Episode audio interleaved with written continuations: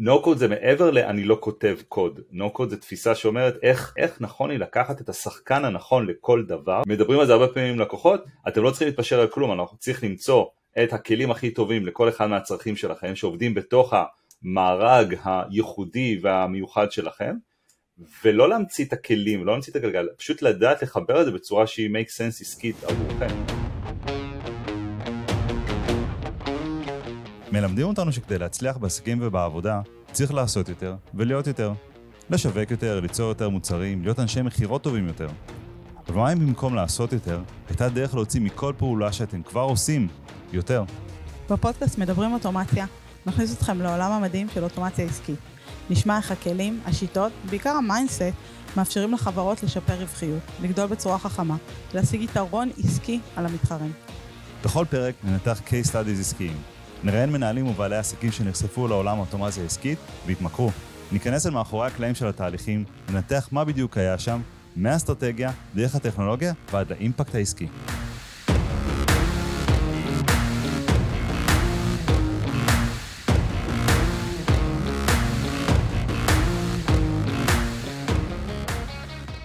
היי דודו, מה העניינים? מה נשמע ענת? מעולה. יופי, אנחנו כמה דקות לפני uh, פסח, חג החירות והאוטומציה, והאוטומציה שמוציאה לחירות, ואנחנו נפגשים לפרק שני בסדרה של שני פרקים, שבקודם אירחנו את אתגר, אתגר שפיבק. זה הפרק האחרון בסדרה. נכון, זה הפרק האחרון בסדרה, ראוי לציין, זה לא יהיה טרילוגיה, זה לא יהיה טרילוגיה, זה כמו, זה מה, ש, זה מה שהסרטי ספיידרמן של סם ריימי היו צריכים להיות, רק שניים, לא שלושה. אז אנחנו בעצם מארחים לחלק שני בסדרה הזאת את אלעד לוי, היי אלעד. היי. מה שלומך? בסדר גמור, כיף להיות פה. כיף שאתה איתנו וכיף שהיית צריך לצאת מהבית, אנחנו מקליטים ברחוק מה שאנחנו בדרך כלל לא עושים אבל אלעד היה צריך לצאת מהבית אז הוא לקח איתו את המיקרופון הטוב שלו לכל מקום הוא סחב איתו והוא נורא כבד ואנחנו נורא נורא מעריכים את המאמץ. אה, אלעד הוא מומחה לאנליטיקס, מוצרי מרטק ואתה גם שותף בקריאיטיב גיק נכון? נכון, נכון. אז אה, אני יודע ש Creative Geek אתם עובדים אתם מציעים פתרונות גם פתרונות analytics לארגונים שיש להם צרכים לא טריוויאליים ודברים אולי יותר מורכבים. אה, אתה רוצה לספר עליך על Creative Geek על מעשיך על פועלך? אה, אז אני בעצם אה, מתעסק בכל העולם הזה של דיגיטל כבר בערך 12 שנה מה שגורם לי להרגיש מעט אה, זקן כשאני אומר את זה. אנחנו באוטומציה עשור כבר אתה יודע אנחנו לא מרגישים צעירים יותר.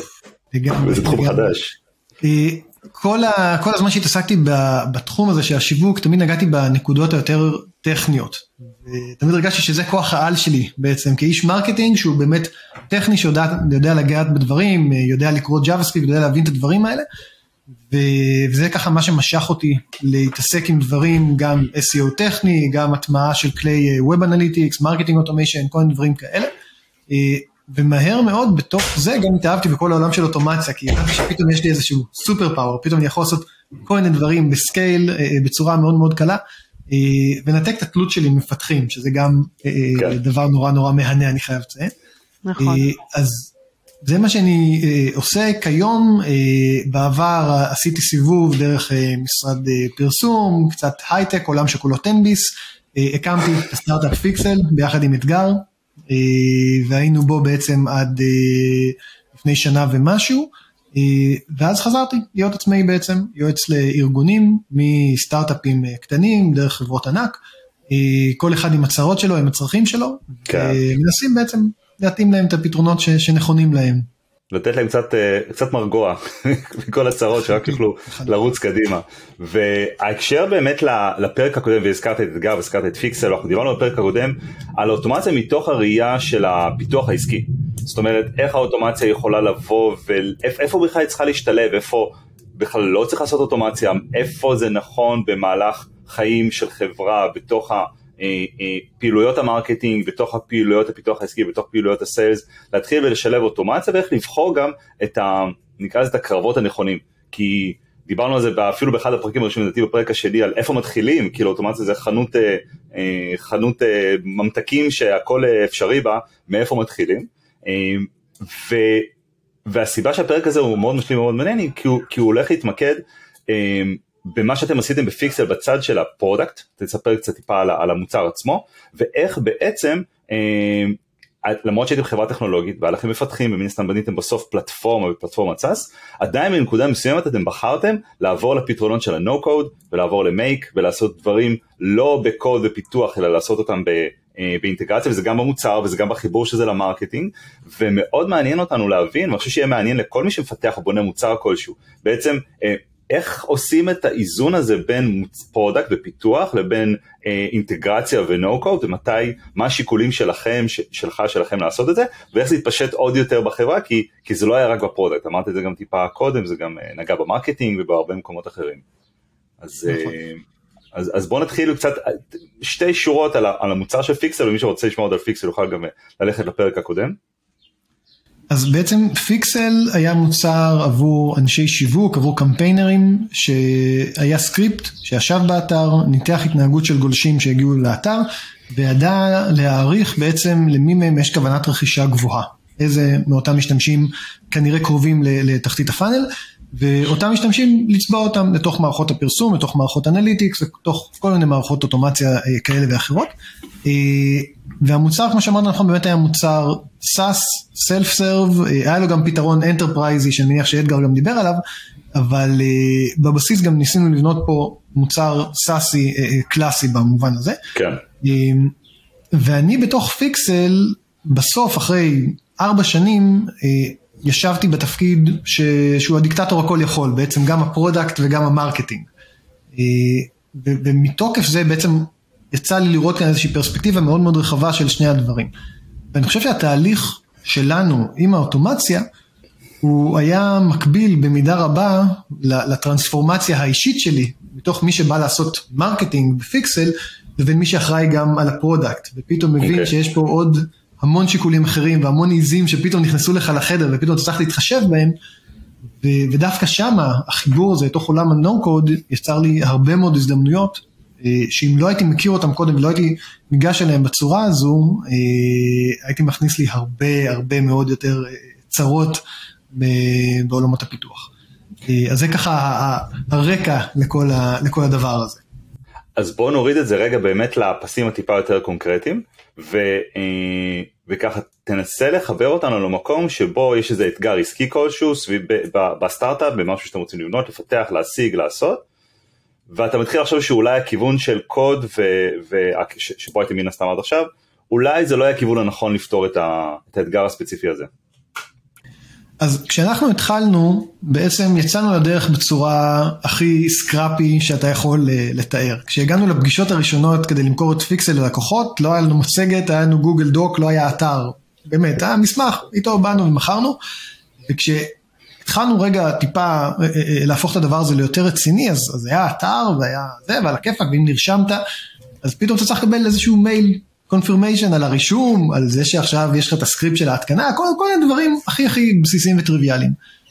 וכשיצאנו לדרך, אז, אז באמת פתרנו את זה בצורה די ברברית, זאת אומרת ישבתי עם, עם הדר ה-CTO, והכנסנו את המייל של אלעד, ממש לתוך הקוד, עם הסיסמה שלי, עם הכל, כדי לשלוח דרך ה-API. מי שרוצה את הגישה ל Gmail של אלעד, חפשו את הקוד. לחלוטין, לחלוטין, אפילו לא, זה אפילו לא היה בסיקרט קי או משהו, זה היה ממש hard coded בתוך הקוד של ה... לא של האתר, של הבקאנד לפחות. כן, ברור. אמ, וככה הוצאנו מיילים באוטומציה מאלעד האוטומטי, זה ככה היה רץ. אז אם קיבלת מייל... דרך אגב, בלי קשר לסיסמה ולדברים שנמצא בקוד, זה אחלה דרך להסתמן פוטנציאלית כספאמר, כאילו לשרוף את המייל שלך בקיצור. עדיף תמיד לעבור דרך שרתים שיודעים לשלוח את זה כמו שצריך. הרגל נוראי לחלוטין. אמ, וככה התחלנו וככה יצאנו לדרך וזה, וזה עבד וזה היה בסדר עד נקודת uh, זמן מסוימת שבאמת הבנו שאנחנו רוצים להכניס טיפה יותר לוגיקה אוקיי זה לא רק מייל אחד יש פה איזה רצף של מיילים שנשלחים יש פה איזשהו סדר מסוים בתוך הדברים האלה יש פה כל מיני התניות שאנחנו רוצים ליצור. בשלב הזה אמרנו, אוקיי, רגע, אז, אז בואו נעשה רגע איזשהו סקר שוק, אה, התחלנו להסתכל על כל מיני פלטפורמות, הבנו שאנחנו רוצים לעבוד עם אוטו אה, פיילוט בזמן. זה באמת היה זול, זה ידע לבנות לנו את הפלואים, להתחבר לכל מיני מערכות, אמרנו על הכיפאק. והלכנו והוצאנו את הדוקומנטציה של אוטו פיילוט, ואפיינו רגע אני והדר, וכתבנו את הכל ישירות בתוך הקוד של, ה, של האפליקציה. אינטגרציית API ישירות בתוך המוצר. נכון, API לתוך הדבר הזה. והתחלנו לעבוד והיה נחמד, וברגע שהיה עוד טיפה scale, פתאום הבנו שרגע, Autopilot לא מתאים לנו, ואנחנו בכלל זזים הצידה, לא Autopilot, אנחנו הולכים ל HubSpot, אז עכשיו עוד פעם, לך תעקור מתוך הקוד של המוצר את כל האזכורים של, אותה, של אותו מוצר. תחליף למוצר אחר עם השינויים שלו, עם הדרישות הספציפיות שלו, עם כל הדברים האלה, דברים שקורים גם ב client, גם ב backend, אה, ותתחיל להחליף עכשיו את, את האינסטלציה. ו... ועברנו את הכמה גלגולים האלה, ו... ואז כשכן התקבלנו על HubSpot אמרנו אוקיי, אבל עשינו אימפלמנטציה X, עכשיו אנחנו צריכים רגע להרחיב את זה, עוד איזה שהם איבנטים ועוד איזה שהם התרחשויות, טיפה להכניס יותר לוגיקה בתוך הדבר הזה. ו... ובשלב הזה הבנו שרגע, רגע, רגע, אי אפשר לעבוד ככה. זה לא סקיילבילי, אי אפשר לנהל את זה, זה הופך פה לאיזושהי תלות מאוד מאוד גדולה בפיתוח.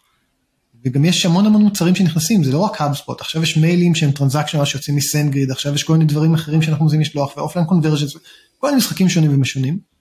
ואמרתי באיזשהו נקודת זמן להדר, עזוב, בוא, בוא, בוא ניקח את זה למקום אחר. אני... למה? כי זה הפך להיות, כי, כי בעצם צוות הפיתוח הפך להיות צוואר הבקבוק של כל התהליכים האלו, זאת הסיבה? כי את, הפ... את העבודה צריך לעשות בכל מקרה, בכל מקרה צריך לעשות נכון, אינטגרציה נכון. ככה או ככה. אין ספק, אבל, אבל זה הפך להיות צוואר בקבוק, היה לנו גם ככה, אתה יודע, limited fire power, אתה סטארט-אפ, אין מה לעשות. כן. וגם אני לא יכול לחכות כי אני איש מרקטינג, אין לי דחיית סיפוקים, ככה זה. וגם אמיתית, אתה רוצה לזוז מהר, אתה רוצה לפתור אה, דברים. ו... ואמרתי, עזוב, עזוב, תן לי, אני, אני, אני אנהל את זה. ו... והבנו שבעצם אפשר לעבוד בצורה אחרת. אני יכול לתת לו איזשהו end point, איזשהו webhook בעצם. שהוא מוציא לתוכו קריאה. בהתחלה זה היה קריאה מאוד מאוד פשוטה, עכשיו אתה מדווח לי שבן אדם עשה sign up לתוך הפלטפורמה. בתוך הזה, mm. אני יכול לקחת את זה, אני יכול להשתולל. והלכנו אז, בזמנו זה עוד היה נקרא אינטגרומט, ואמרנו על הכיפאק. והקמנו שם בטיר הכי נמוך, ב-9 דולר לדעתי זה היה בזמנו. אה, התחלנו להקים איזשהו flow שאומר תן לי webbook, בתוך ה-webbook יש לי את האימייל, יש לי את ה-customer ID, יש לי כל מיני דברים כאלה, יש לי את השם שלו ומה שלא יהיה. ובואו נתחיל לגלגל את זה משם, מפה אני מזין את זה עכשיו ל HubSpot, מפה אני שולח לו Welcome email, מפה אני עושה כל מיני דברים כאלה. וראינו כי טוב, אמרנו, או, oh, בוא, בוא, בוא ניקח את זה עכשיו uh, הלאה. עכשיו יש לא רק event של בן אדם שעשה sign up, יש לי עכשיו בן אדם שהתחיל את התהליך של ה onboarding, יש לי עכשיו בן אדם שסיים את התהליך ומקבל עכשיו קוד התקנה, יש לי בן אדם שסיים את ההתקנה, יש לי בן אדם שהקוד הגיע, אה, הוא בעצם צבר מספיק traffic באתר, ככה שהמודל הראשון שלנו אומן. ככה בעצם נוצר לנו איזשהו בנק שלם של event-ים, שאני יודע לקבל איזושהי קריאה פנימה לתוך ה Integromat שלי. בתוך ה Integromat אני בעצם פתחתי, אני אוהב לקרוא לזה חנוכיה. עכשיו נכנס לי איזשהו webhook ופתאום אוקיי יש לו עכשיו כל מיני route-ים שהוא, שהוא יכול להתפצל. כל מה שצריך לקרות קורה שם. בניגוד לחנוכיה זה יכול להיות אין סוף בראנצ'ים אבל כן עדיף, אה, עדיף, אה, עדיף להגביל את זה אבל, אה, נכון. אבל בעצם יצרתם entry point אחד שזה טוב וזה לא טוב זה כאילו נקודת קשר אחת אבל זה גם מבחינת הקוד והתחזוקה שלכם בתוך המוצר זה נורא פשוט כי אתה פשוט תמיד קורא לאותה פונקציה קורא לאותו וובוק עם שם איבנט שונה sign up cancellation threshold לא משנה מה ואז אתה הולך למייק אינטגרומט ומכניס אותו לחנוכיה שלך. כן. אני רוצה רגע לשים דגש על התהליך שעברתם.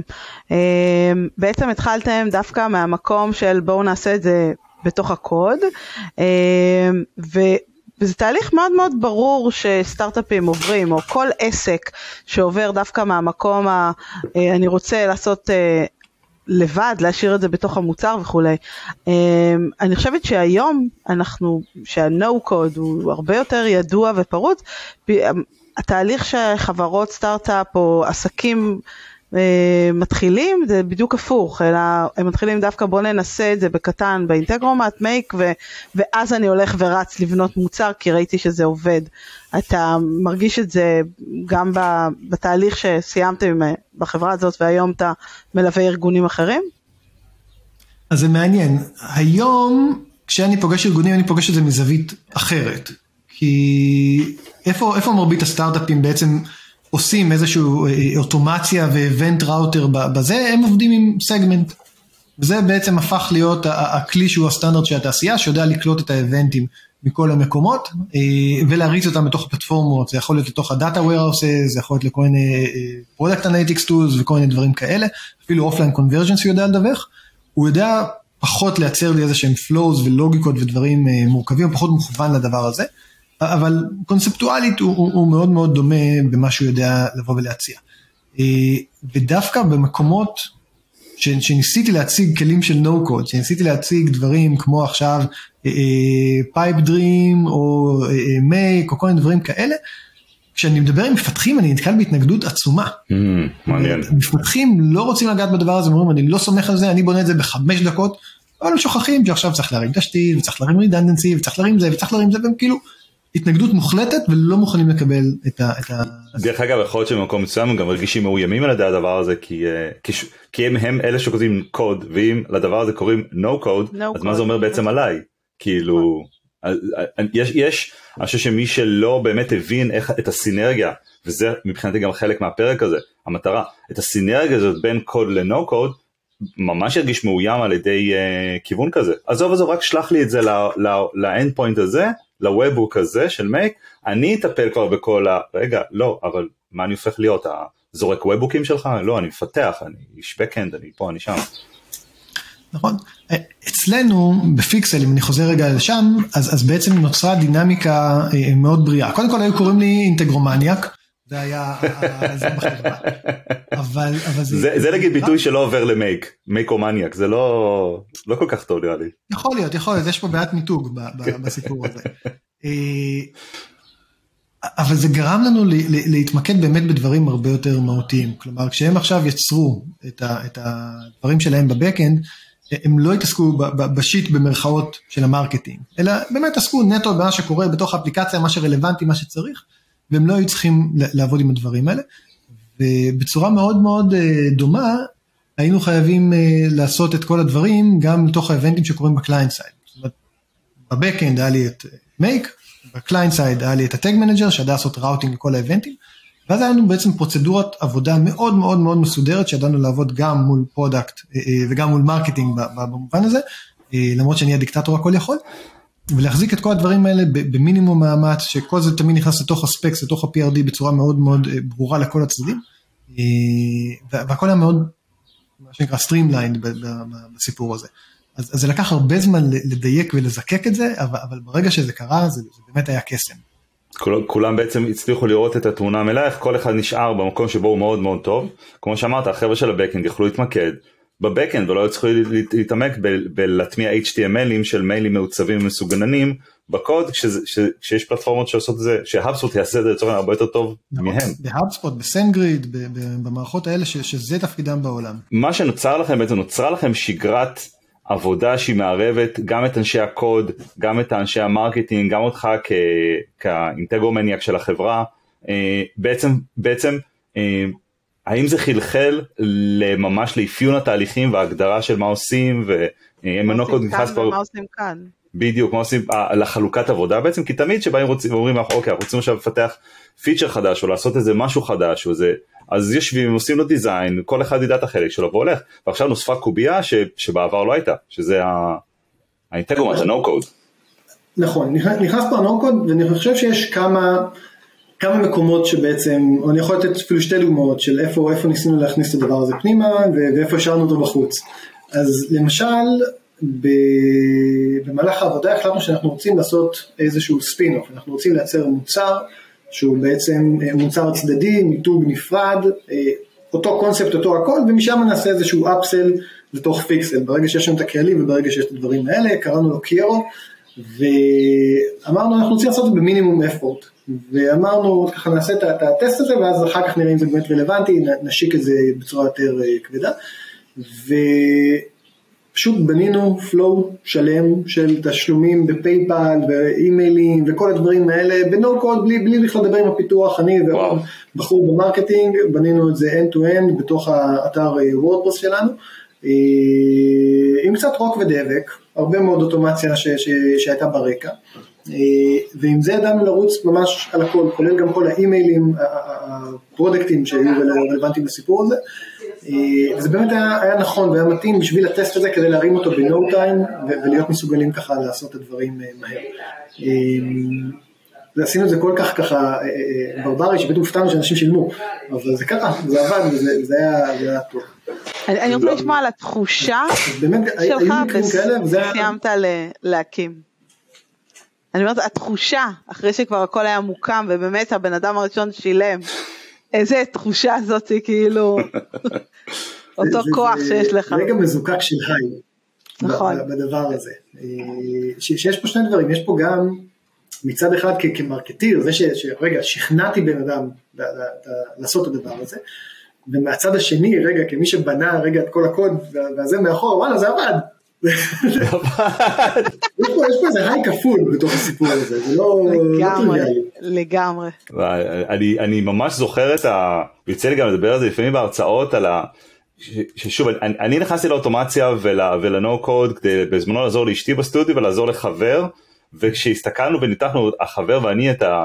איזה שני קמפיינים שהוא עשה אחד עם אוטומציה ואחד בלי וזה האוטומציה הכי שוב אמרת רוק ודבק אני מדבר איתך כאילו זה טכנולוגיה מתקדמת למה שידענו לעשות אז אה, וראינו פרש של כמה אלפי שקלים במכירות על אותו קהל אותו קמפיין אותו תקציב שיווק אותו הכל זה היה פין כאילו פתאום רגע שנופל שאתה אומר בואנה זה, זה לא סתם כיף הדבר הזה יש לו אשכרה משמעות ערך. עסקית יש לו ערך עסקי נכון. אדיר. נכון. אדיר, וזה שהרמתם product, כאילו ממש, כאילו בוא נעשה טסט למוצר על הדבר הזה, מרמת ה, היי אולי רוצה עד רמת תשלם לי ונעשה לך onboarding. כן. וואו.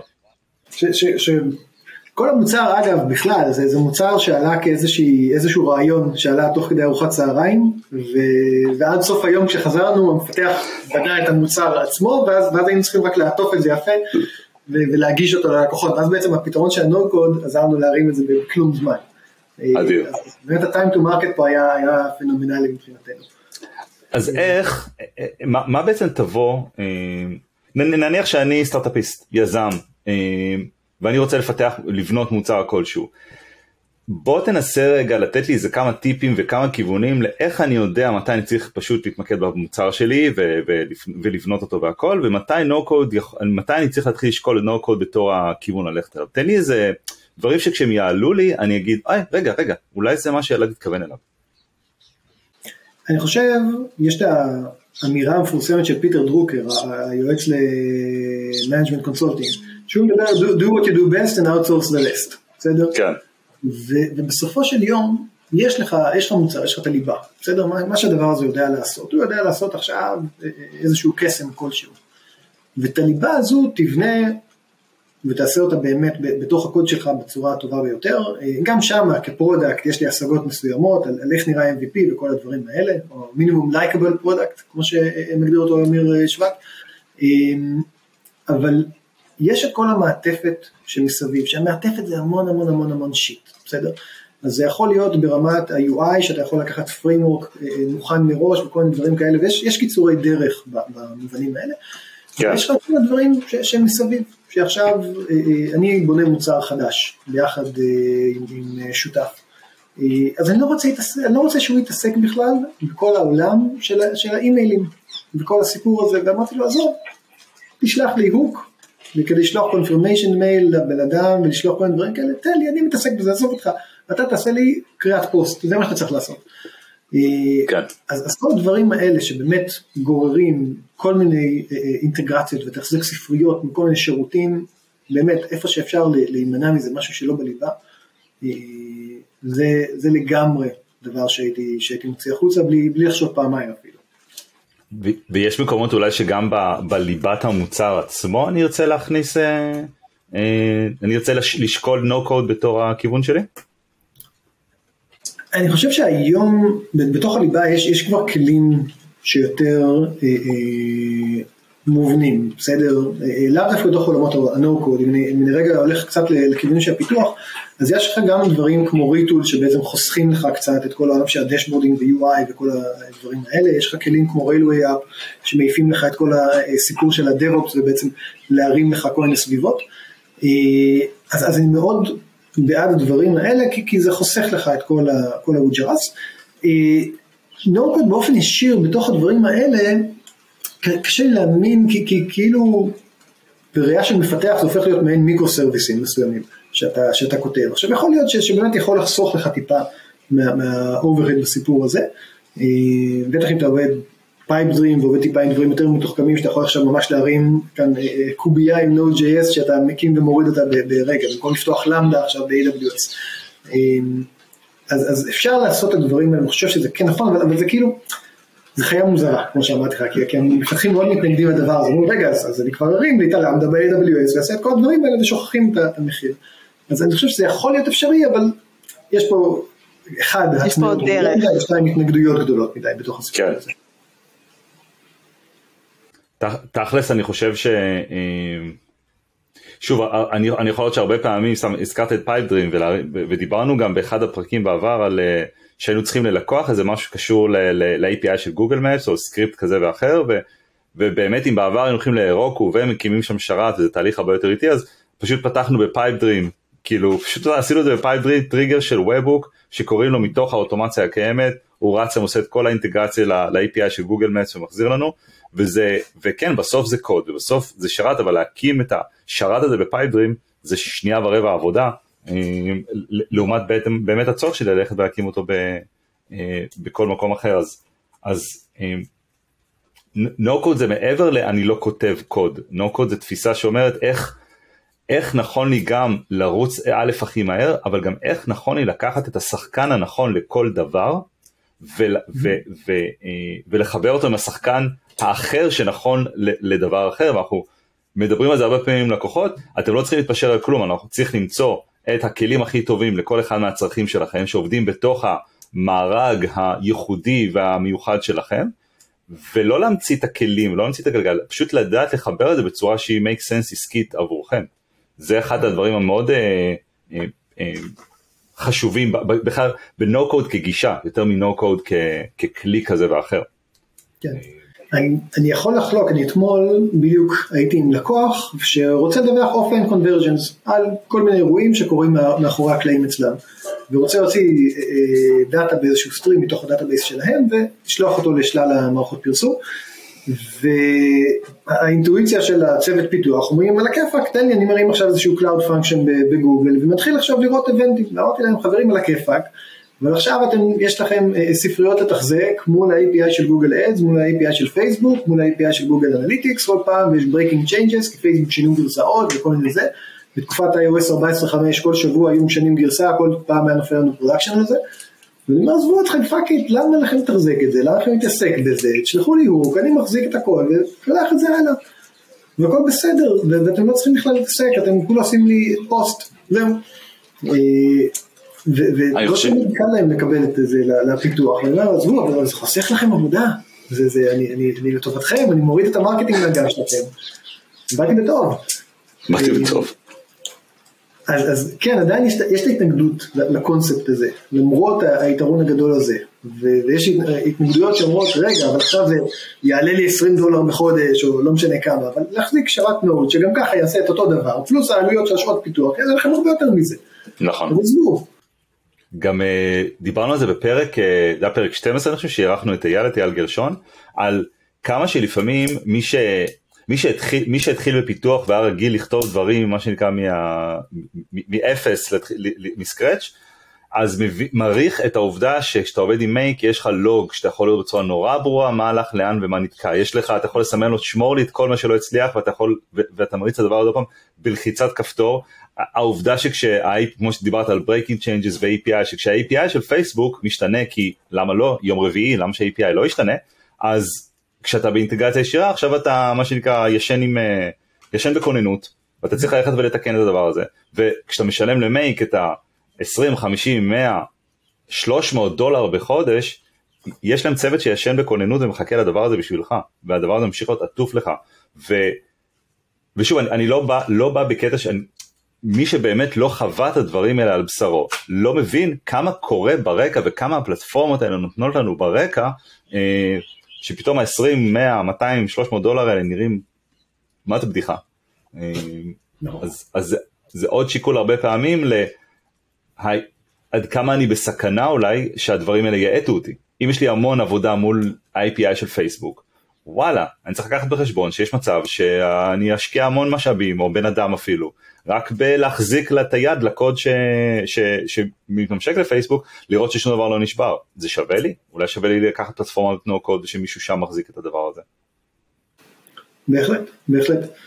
ואני גם רציתי לתת מקודם עוד דוגמה שאני חושב שהיא מאוד רלוונטית, שיש פה את התפיסה באמת של no code, בסדר? ויש איזשהו קו שאתה אומר באמת איפה אני מכניס את זה לליבה, איפה אני ככה מחזיק את זה בצד. אז, אז נתתי את הדוגמה מסוימת של, של פיקסל, של איך עשינו את המוצר המהיר הזה, את קיירו, אבל היה גם עוד נקודה ש, שבה באמת ככה הייתה ההתלבטות הזו, ובצומת הזו דווקא לקחנו פנייה אחרת, בעצם כשעשינו אה, אה, רוויזיה ועשינו מחדש את כל ה-onboarding של פיקסל, אמרנו בוא תן לנו את הכתובת של האתר שלך, את הדומיין, ואנחנו בהתאם נגיד לך רגע אתה צריך plugin של WordPress, של Shopify, כל מיני כאלה. וכשהתחלנו את הדבר הזה, אז המפתח אמר אין בעיה, אני אלך, אני אחפש את האתר שלו, אני אקח, אני פה, אני שם, יש APIs לדברים האלה. יש API, תתן לו את הדומיין, יגיד לך זה שופיפיי, זה וורדפרס, זה לא יודע מה. למה לשבור את הראש? עכשיו גם את זה, את ה-API יכלנו לקרוא דרך נורקו, דרך זה, אבל ברגע שהבנו שבאמת זה שירות ש, שכל כך משמעותי בתוך הליבה שלנו, אז, אז רגע, אז נקרא ל-API הזה ישירות, נקבל את התשובה ונריץ את זה מהיר. אבל היכולת שלי כמנהל מוצר, לבוא ולהבין את זה, זה כי אני מתעסק ב-API, אני מבין ב-No אני הייתי עובד מול ה-API של Clearbit, או מדקוד, או כל פעם עם מישהו אחר, כדי לשלוח כל מיני מידעים לגבי כל מיני חברות ולהבין כל מיני דברים. אז, אז זה כבר אצלי בראש, ואני כבר מחזיק את זה. אז היה לי קל כן. מאוד לעשות את ההיקש הזה ולהגיד, אוקיי, כבר ב-API, נמצא את ה-whatever endpoint הזה, נקבל את התשובה, ויאללה, ומשם נרוץ. אז, אז אני חושב ש... כן, כתפיסה זה נותן לך איזשהו משהו אחר ואתה לא רץ לבנות עכשיו כל דבר בידיים כי, כי אתה מבין שאין צורך, שחבל. אתה גם מבין, ו, ושוב זה משהו שכל מי שקצת מתעסק עם, אה, עם תהליכים עסקיים, עם מוצרים, לא משנה מה, מבין לו גם פיתוח, מבין שרוב הסיכויים שאת הבעיה שאתה נתקלת בה עכשיו, מישהו כבר פתר. זאת אומרת, הנטייה הטבעית שלנו הרבה פעמים לפתור דברים מאפס, היא, אה, היא אינסטינקט שהוא לא כל כך נכון לתקופה שאנחנו חיים בה. אה, כבר הרבה שנים הוא לא נכון, כי, כי המון מידע קיים שם, אני אפילו לא מדבר על AI ועל ChatGPT שאתה, ש, שאתה תסביר לו כמו ש... בדיוק, כמו שאני אסביר לענת ענת, תקשיבי, אני מה זה תקוע עם איזה אוטומציה, אני לא יודע מה לעשות, וענת תתחיל עכשיו מתוך ניסיונה, אז אני אגיד את זה ל-ChatGPT והוא יחזיר לי כבר תשובות אה, על, על, מתוך מה שהוא יודע ומתוך מה שהוא מבין, אבל אנחנו חיים בעידן שהמון בעיות כבר נפתרו. עכשיו, כולנו באים פה לפתור בעיה חדשה, פיקסל נולדה בשביל לפתור בעיה שלא היה לה פתרון מספיק טוב באותה נקודה, כל סטארט-אפ קם כי הוא חושב שהוא יודע לפתור את, את, את הבעיה שהוא רוצה לפתור בצורה הכי טובה עבורו וזה מצוין, אבל כשלוקחים את הדבר הזה שנקרא, אה, אה, הרי איך, איך חברה פותרת בעיה, בעזרת מוצר שלה, בעזרת שירות שלה, כשלוקחים את המוצר, כשלוקחים את השירות, מתחילים לפרק אותו לאבנים קטנות, הוא מורכב מהרבה אבנים שוואלה, אותם כן, רוב הסיכויים שמישהו כבר פתר, בדיוק. אז תתחילו לחפש פתרון לדברים האלה ואז רק תדעו לעשות את האינטגרציה ברמה העסקית של לחבר את הכל ביחד.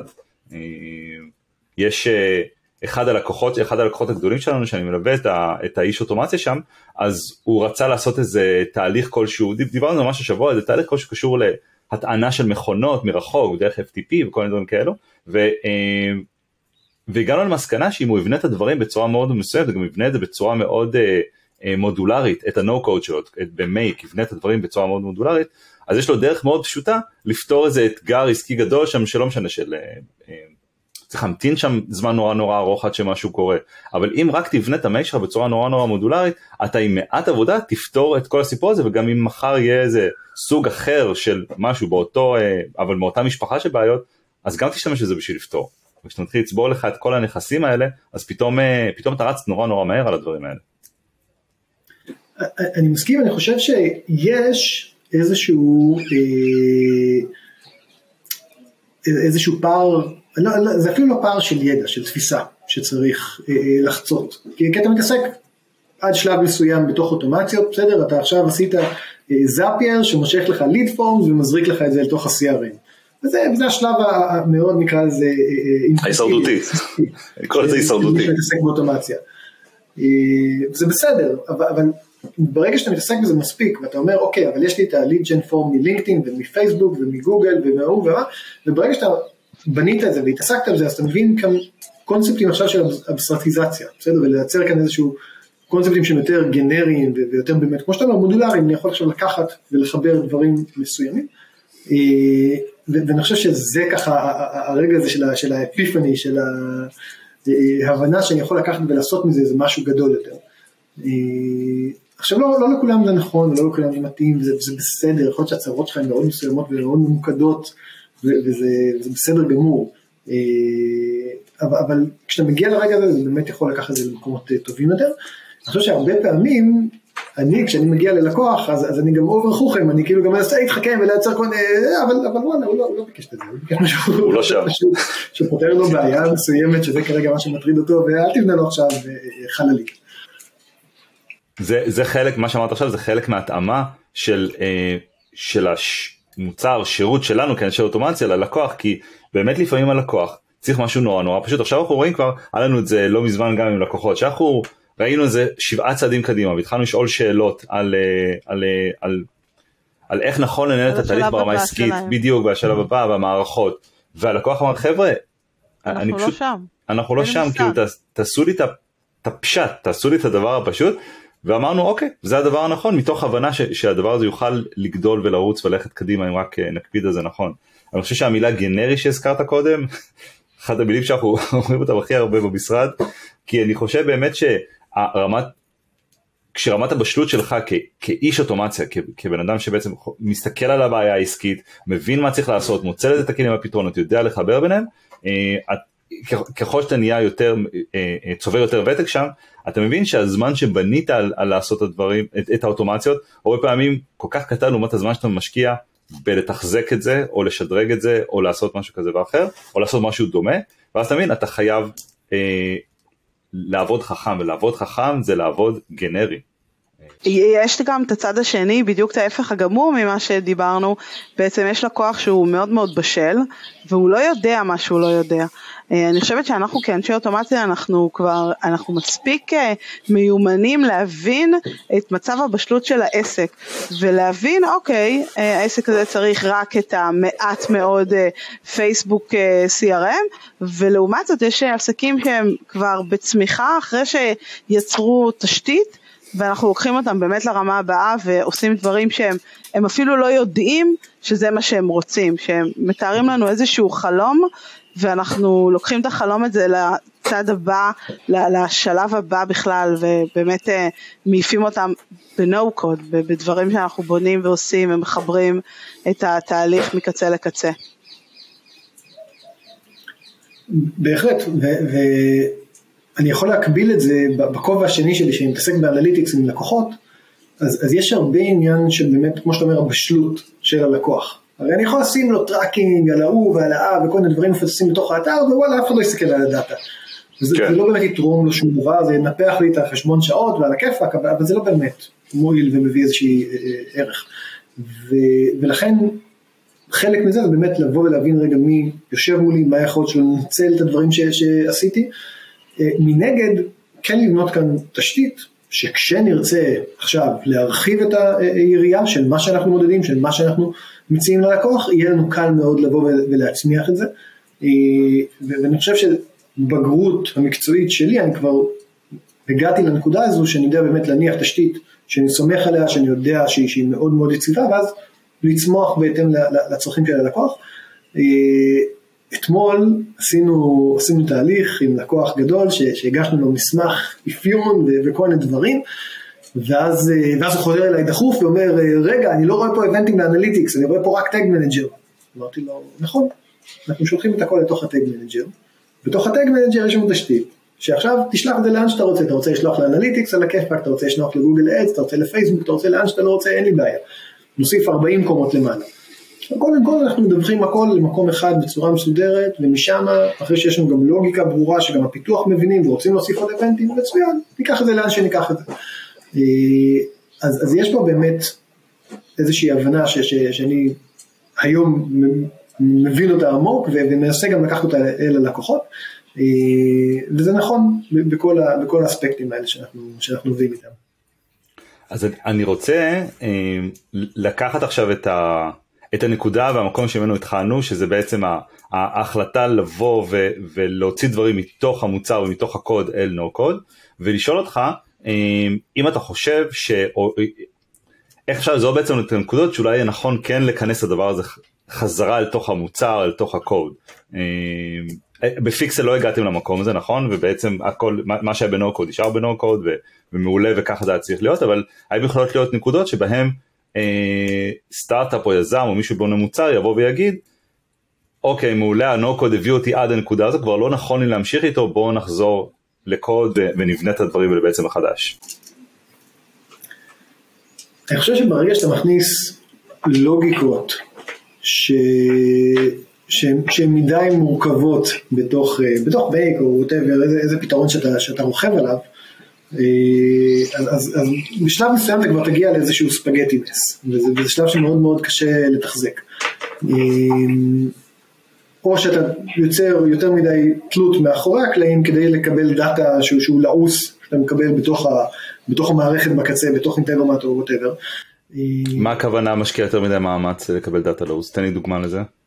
שה query שאני צריך להריץ מאחורה הוא, הוא query שיש לו המון המון לוגיקה באותו database פנימי שלי או לשבת על איזשהו data stream פנימי שלי. מצד אחד, מצד שני הוא גם צריך להעביר אותו עיבוד מסוים לפני ש, שאני קולט אותו פנימה. אה, כי עכשיו צריך לנקות כל מיני אה, נקודות מידע או צריך לעשות הצלבה בין נקודות מידע שונות. אה, כי אני צריך עכשיו להביא את ה-client ID ומה client ID אוסף API אחר שמצמיד אותו עכשיו לאימייל וכל מיני דברים אחרים שאני מקבל מה client. אז, אז אלה מקומות ש, שבאמת אני מרגיש שיש איזשהו עניין דווקא לצאת מתוך, ה, מתוך העולמות של ה no code. זה גם הרבה תלוי ב, ב, ביכולת של הלקוח או מי שעומד בצד השני לבוא ולהחזיק ולתחזק את הדבר הזה, mm. כי, כי לא תמיד יש את אותו אה, חבר צוות. במרבית הסטארט-אפים למשל שאני פוגש, יש לך את ה marketing uh, operations שיחזיק את הדבר הזה, ואז הוא מחזיק HubSpot, Salesforce, את כל, ה, כל הכלים הנפלאים האלה, כל אחד בתוכו יש את האוטומציות המובנות, ואז זה נכנס לאיזשהו אה, אה, זווית מאוד מאוד קטנה לתוך זאפייר או לתוך מייק אה, באמת בקצה הציפורן של, של הדבר כן. הזה. ואז כל מורכבות גדולה מדי שמה כבר, כבר לגמרי הולכת לאיבוד. אז, אז שמה באמת, כשאין את הדמות בפנים שיודעת להחזיק את זה, אני אומר אוקיי, אז, אז אולי באמת שווה להחזיר את זה פנימה לתוך, ה, לתוך הארגון. וזה באמת במקום של, של הבני אדם. במקום של התהליכים זה באמת אם, אם התהליך עצמו מורכב ומלוכלך מדי כדי, כדי להחזיק אותו בחוץ, אה, אה, אה, או, או צריך לבוא יותר לעיבודים, אז, אז כן, אז הייתי לגמרי משאיר אותו בפנים. כלומר כל מקום שבו אנחנו מרגישים שאנחנו מתחילים לבנות מה שנקרא ספגטי נו קוד ולבנות דברים אולי בצורה עקומה רק כדי שזה ייכנס לתוך הדבר הזה שנקרא נו קוד להבין שזה לא יחזיק מעמד לאורך זמן. כלומר לאורך זמן הדבר הזה התחיל לעשות לי הרבה הרבה הרבה צרות. מה שלא, מה שלא פשוט, מה שלא עובד פשוט פשוט לא עובד. ו... היה לנו בזמנו בפיקסל, רצינו לייצר דוח אה, חכם שאנחנו שולחים ללקוחות אחת לתקופה, ובעצם מקבל איזשהו אה, אה, דאטה מתוך ה database שלנו. אז בהתחלה קצת רוק ודבק, חיברנו אותו ובאמת הרצנו אותו דרך Make, אבל ברגע שהכנסנו עוד לוגיקות ועוד דברים ועוד עניינים, אז כדי לקחת את ה data set הזה ולהדפיס אותו בצורה נעימה בתוך המיילים ללקוח, היינו צריכים מתוך ה flow של Make לשלוח קריאה החוצה כדי להריץ איזשהו Node אה, שיעבד אותו שוב, שיחזיר את זה ל Make, שישלח את זה במייל. אז אמרנו אוקיי רגע שנייה, בואו נעצור סוסים ובואו נחשוב רגע על התהליך הזה. אה, אז, אז צריך באמת לחשוב טוב על, על הדבר הזה ולא רק להתאהב בפתרון המסוים של נו קוד, שאומנם אני אוהב אותו אבל לא, הוא, לא, הוא לא חזות הכל תמיד. אז אה, אם אני ככה לוקח אז, אז זה נו קוד אפשר לכם ומאפשר למי שהולך בגישה הזאת לרוץ מהר יותר להגיע מהר יותר עם, אה, עם היפותזה שאני בודק זה יעבוד או לא אתם הפכתם את ההיפותזה בשלב מסוים למוצר. אה, ולקחת היפותזה ולבדוק אותה להיות זריז ולהתמקד אבל כל הזמן חשוב להיות עם עין על האם אנחנו עדיין האם מה שאנחנו בונים הוא עדיין הדבר הכי נכון, הוא עדיין הדבר הכי נכון, הוא עדיין המוצר הכי מדויק, או שאנחנו כבר מתישהו בנקודה שכבר אנחנו טיפה עושים פאץ' על פאץ', ואז לשבת מסודר ולהגדיר מה אנחנו הולכים להעביר עכשיו לקוד ואנחנו יכולים להכניס לך לתוך המוצר, היתרון שזה בנקודת זמן הזאת, שזה כבר אה, טכנולוגיה מוכחת, זאת אומרת גם עסקית זה מוכח, אתה יודע שהדבר הזה חשוב, אתה יודע שצריך את הדבר הזה, את הדוח שאמרת, את המניפולציות שאמרת, זה כבר לא צריך לשאול את השאלה האם יש לי סיכון עסקי בזה שאני יושב ומשקיע שעות מתכנת ושעות אינטגרציה וכל הדברים האלו, כי אין, כי כבר נו קוד הראה לך שהדבר הזה הוא חשוב ונחוץ ודרוש ושווה את זה עסקית, עכשיו רק צריך, וגם יש לך את ה...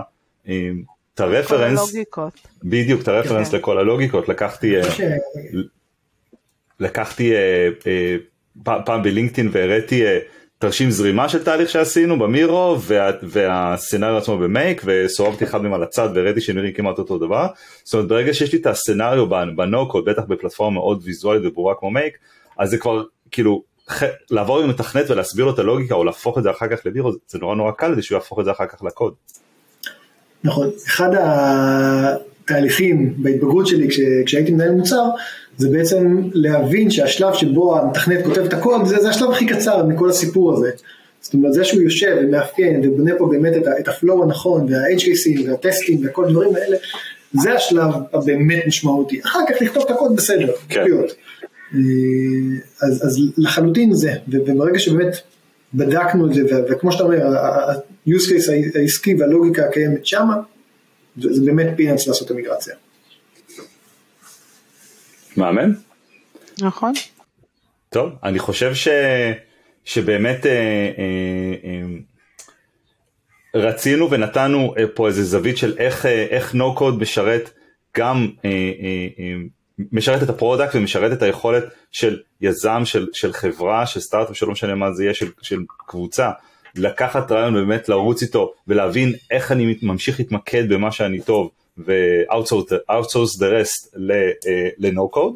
אה, וגם אני מחבר את זה למה שהיה בפרק הקודם ומדבר על, ששם דיבר על הדבר הזה בהקשר של הפיתוח העסקי, אז באמת היכולת לבוא ולהגיד, להסתכל במובן הרחב, שכל הארגון מודע לזה, שיש דברים שאנחנו נעשה אותם בקוד, יש דברים שנעשה אותם בנו קוד, פה אנחנו נהיה יותר מהירים לדוגמה, אבל אולי אחר כך נצטרך לבנות את הדברים האלה מחדש, לעומת פה שזה ה-core value שלנו, ואנחנו חייבים לבנות אותו בתוך ה... בתוך, כחלק מה product, אז הארגון מתחיל להבין גם הרבה יותר טוב איך דברים בנויים, גם בלי שכל אחד הוא איש טכני או איש אוטומציה או, או משהו כזה, אלא אפילו אם הוא רק, ה, אה, כמו שאתה היית, מנהל מוצר. אז, אה, נכון. אז, אז בהקשר הזה אני באמת חושב שזה, שאנחנו מחברים פה את הדברים ביחד. כן, שאני יכול גם לחלוק סיפור קטן על, הפיתוח העסקי, מה שלא יודע אם אתגר הספיק לספר את זה פעם שעברה, שכשאנחנו רצינו למשל להגיע לאינפלואנסרים ב scale בארצות הברית, אז אה, אמרנו אוקיי, מסתובבים בטוויטר, מדברים על כל מיני נושאים של PPC, remarketing, כל הדברים האלה, אז, אז הלכתי ל Integromat ובניתי פשוט אוטומציה שמאזינה לטוויטר, מחפשת אה, ציוצים על remarketing שיש בהם סימן שאלה ואין בהם לינק, זאת אומרת זה לא מישהו שמנסה עכשיו לדחוף את עצמו. וכל פעם שהיה ציוץ כזה, בעצם קיבלנו נוטיפיקציה. וישר ידענו לבוא ולהגיב. עכשיו, התגובה שלנו הייתה באמת תגובה אנושית, אותנטית, נכנסנו לתוך הדיון אה, לא בצורה אוטומטית, כי, כי אחרי זה באמת מפספס את הפואנטה, עדיין לא היה גם צ'אט GPT בשביל הדברים האלה. אה, וככה בנינו באמת איזושהי אה, יכולת להגיע להרבה מאוד אנשים בסקייל מאוד מאוד גדול, ולבוא ולהציף את הדבר הזה שנקרא פיקסל. אה, אז גם זה היה איזשהו כוח על קטן שעזר לנו בכל, בכל העולם הזה של, ה, גדול. של באמת הביזדב. אה, וזה גם עוד, עוד דבר קטן שככה קידם אותנו. אחלה האקינג לאיך אני מגיע לשיחות הנכונות בזמן הנכון. טוב, אלעד, יש לנו פינה בפודקאסט שנקראת אה, דבר אחד שלמדתי על אוטומציה השבוע. כל אחד משתף זה יכול להיות הדבר הכי קטן, זה יכול להיות דבר uh, שפתאום ראית ונהיה לך חיוכים בעיניים uh, שקשור לאוטומציה. אתה רוצה לפתוח? אז דווקא uh, אחד האתגרים שיצא לי לאחרונה להתקל עם, עם לקוחות זה, זה לעשות סטרימינג של איבנטים מתוך הדאטאבייסים ועד עכשיו עבדנו בצורה מאוד מסוימת ורצנו דרך ישירות דרך הדאטאבייסים עם כל מיני Cloud Functions וכל מיני דברים כאלה ועכשיו החלטתי לקחת את זה קדימה עם כמה לקוחות ולעשות querying ישירות על הדאטאבייסים מתוך, אה, מתוך Make. מריץ שם פשוט סיקוולים על, על Postgres, על BigQuery, על כל מיני כאלה. ודווקא המקום הזה שקצת קצת חששתי ממנו, כי כאילו אתה, אתה, אתה אף פעם לא בטוח מה אתה מקבל בקצה מה SQL הזה ואיזה edge קייסים יש לך שמה, אה, הוכיח את עצמו כנורא טוב, נורא מדויק, אה, וזה ברמה שגם הלקוחות היו בהלם מזה, זאת אומרת, כי הם היו רגילים להריץ את זה דרך כל מיני פונקציות מורכבות וכל מיני כאלה, ופתאום רגע, שמים את זה שם, מקבלים את האוטפוט, מדפיסים את זה לכל, ה, לכל המערכות. אה, אז, אז זה היה גילוי קטן, אולי טריוויאלי, אה, שבאמת עשה לי ככה את השבוע האחרון. אנחנו כל פעם חושבים שמה שאנחנו מגלים הוא, אה, ברגע שאנחנו יודעים משהו אנחנו בטוחים שהוא מה זה טריוויאלי, כי מה זאת אומרת זה ידוע אבל לא, רוב האנשים לא יודעים את זה עדיין, אז טריוויאלי אני מאמין שלא. מהמם, ענת? אה, אני גם חושבת שאני גיליתי משהו, אולי יותר נכון הפנמתי משהו השבוע. יפה. אה, וגם בעיניי זה משהו שהוא כנראה טריוויאלי, אבל אם לא הפנמתי אותו עד עכשיו אז הוא כנראה לא. אה, אנחנו כל הזמן בהמון המון תהליכים אנחנו מחפשים אה, מקום לשמור את הקבצים שלנו, וכל פעם אנחנו הולכים לדרופבוקס ול Drive ולכל השירותים בעצם אה, של השמירת, של האחסון שלנו. כן. ואנחנו מתקשים מאוד עם ה share ולא shared וכולי וכולי.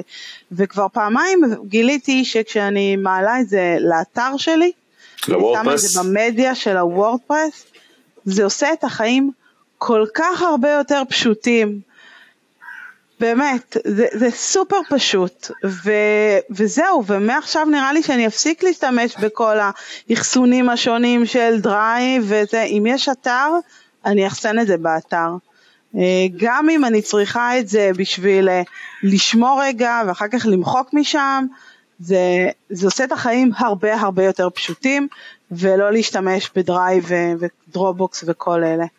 בעצם זה ל... התובנה שלי השבוע. לאחלה תובנה, ואת מדברת על use cases שלא צריך עכשיו הרשאות יותר מדי מורכבות או דברים לא. יותר מדי, נכון, אלא פשוט מקום הקובץ, שיהיה זמין. נכון, נכון. אין על וורדפרס. בהחלט. טוב אז אני אשתף שלקוח סיפר לי השבוע על פלטפורמה שנקראת טונקין. T-O-N-K-E-A-N היא פלטפורמת Enterprise No Code ששוב אותו לקוח אותו או מנהל אוטומציה התקשר אליי כולו בהתלהבות ואני כזה בקושי הצלחתי דיבר ב-200 קמ"ש ברוב שהוא התלהב על, על זה שבעצם זה פלטפורמה שמעבר ליכולות ה-No Code שלה היא גם הכניסו ל-AI שם היכרות עם תהליכים, עם תהליכים עסקיים, תהליכי procurement, רכש, תהליכי גבייה, תפעול, כל מיני דברים כאלו, ובגדול אתה אמור להגיד למערכת אני רוצה לעשות כל מיני תהליכי legal כאלה ואחרים, תהליכי procurement, והוא יודע לבנות לך את האוטומציה לבד. עכשיו, לא ראיתי את הקסם הזה עובד לבד, רק שמעתי את זה מלקוח מאוד מאוד מאוד נלהב, וזה שוב זה מערכת enterprise, היא לא מיועדת לעסקים קטנים אלא באמת לארגונים גדולים, אבל זה היה לי מאוד מעניין. ומסתבר שאני מחובר לאחד ה product manager שלהם ב LinkedIn אז נראה לי שדברים טובים יצאו מזה. עכשיו השאלה שלי אבל, האם אנחנו כאנשי אוטומציה נגיב למוצר כזה מבוסס AI כמו שמתכנתים הגיבו למוצרי אוטומציה? אני יכול להגיד לך בתור אה, אה, פרנואיד לא קטן, שכן, אני מאוד, מאוד מלחיץ אותי שמישהו אחר יגיד לאוטומציה שאני חתום עליה מה לעשות. זאת אומרת, אני רואה את זה גם במקומות, אה, יצאנו לדבר השבוע ענת ואני על, אה, על מוצר שאנחנו בונים, ו, וההבנה ש-AI יכול להיות מאוד משמעותי בו בחלק מהמקומות, אבל uh, אני חושב שלפחות מבחינתי אני אדבר, ה trust לא לגמרי שם. דרך אגב, מאז ששאלתי את ChatGPT על איזה API של Pipedrive, הוא אמר לי בטח הנה API ואין API כזה, הוא, הוא ענה לי בביטחון שתי תשובות שונות, אף אחת מהן לא קשורה לכלום, זה API שלא קיים, והעליתי איזה פוסט ל LinkedIn כאילו, מה, מה נסגר? אז, אז אה, לי יש עדיין בעיות trust אם לתת, לא אם לתת ל ChatGPT או, או ל-AI לנסח לי פוסט שאני יכול אחר כך להסתכל עליו ולהשתמש בו כפריימורק לעבודה, אלא למשהו שייכנס לאוטומציה ואוטומטית בתאריך X או כתוצאה מאירוע Y או AI יעשה משהו, לי זה עדיין מרעיד את הלב, אבל... אבל דודו, יכול להיות שזה בסיס לעבודה. זאת אומרת, זה, זה כן. זה, זה ייתן לו את הדיוקים שהוא לא יחשוב עליו כאיש אוטומציה מתחיל, או גם אם אנחנו, אנחנו לא מצליחים לחשוב על כל ה-use case. ויכול להיות שזה ייתן לו בסיס עבודה, אני דווקא חושבת שזה יכול לעבוד ולעזור לנו המון. בקטע הזה זה מעולה וזה מדהים, אם מסתכלים על AI שבא ובא לאנשי, אה, תחשבי על אנשי, על, על אנשי copy, על אנשי תוכן, שמפחדים שהדבר הזה יכתוב מאמרים במקומם, מצד שני, אה, הדבר הכי קשה זה לייצר לך איזה framework של על מה אני רוצה, אתה צריך לכתוב על נושא מסוים. נכון. סטיבן קינג אמר באוטוביוגרפיה שלו שהוא יש לו משמעת, הוא כותב כל יום אלפיים מילה, אוקיי? אבל הוא אומר לפעמים אני מפסיק, הוא אמר, הוא אמר לפעמים גם ידעתי איך הפרק עומד להסתיים, סיימתי באמצע כי הדבר הכי גרוע בבוקר למחרת זה, זה להסתכל על דף ריק שכתוב בו פרק חדש ולהתחיל אותו מאפס. אני רוצה, כשאני יודע מאיפה אני מתחיל, אז אני יכול, אז, אז הרבה יותר קל לי להתחיל. ואותו דבר ה-AI יכול לייצר, לייצר לי framework מדהים, מדהים, אם אני איש תוכן, אם אני איש marketing, תוכן, כאילו framework מדהים לתחילת עבודה. אה, ואני הולך ומוסיף על זה את כל הדברים, אני חושב שזה ממש כאילו זוגיות משמיים. נכון. אוטומציה שבה אני אסמוך עליו שיבנה אוטומציה שתרוץ ות... לא, לא יודע, לא, זה, לא, לא. זה עדיין uh, מלחיץ אותי. חזון למועד. חזון.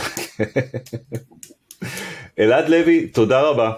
היה אחלה, אחלה insight לתוך, ה, לתוך העולם הזה של, אה, של product ואוטומציה ו, ו, והחיבור ביניהם, ו, אה, ותודה שהיית ותודה שבאת. תודה רבה. ותודה ענת. ביי לכולם. ביי ביי. ביי. חברים יקרים, עד כאן הפרק. אנחנו ממש מקווים שנהניתם והפקתם ממנו ערך. חשוב לנו להגיע לכמה שיותר אנשים עם התוכן שלנו, אנשים שהתוכן יכול לעזור להם בעבודה שלהם, או בעסק שלהם, או בחיים באופן כללי. אז אנחנו ממש נשמח אם תוכלו לשתף את הפרק הזה ואת הפודקאסט שלנו בכל פלטפורמה שנוח לכם ובערוצים שבהם אתם נמצאים. אנחנו גם ממש נשמח אם תוכלו לדרג אותנו באפליקציית הפודקאסט שעכשיו עכשיו אתם מאזינים בה. הדירוג גם עוזר לנו לעלות למעלה ולהגיע ליותר קהלים. אנחנו מודים לכם על ההאזנה, תודה רבה ושיהיה אחלה יום.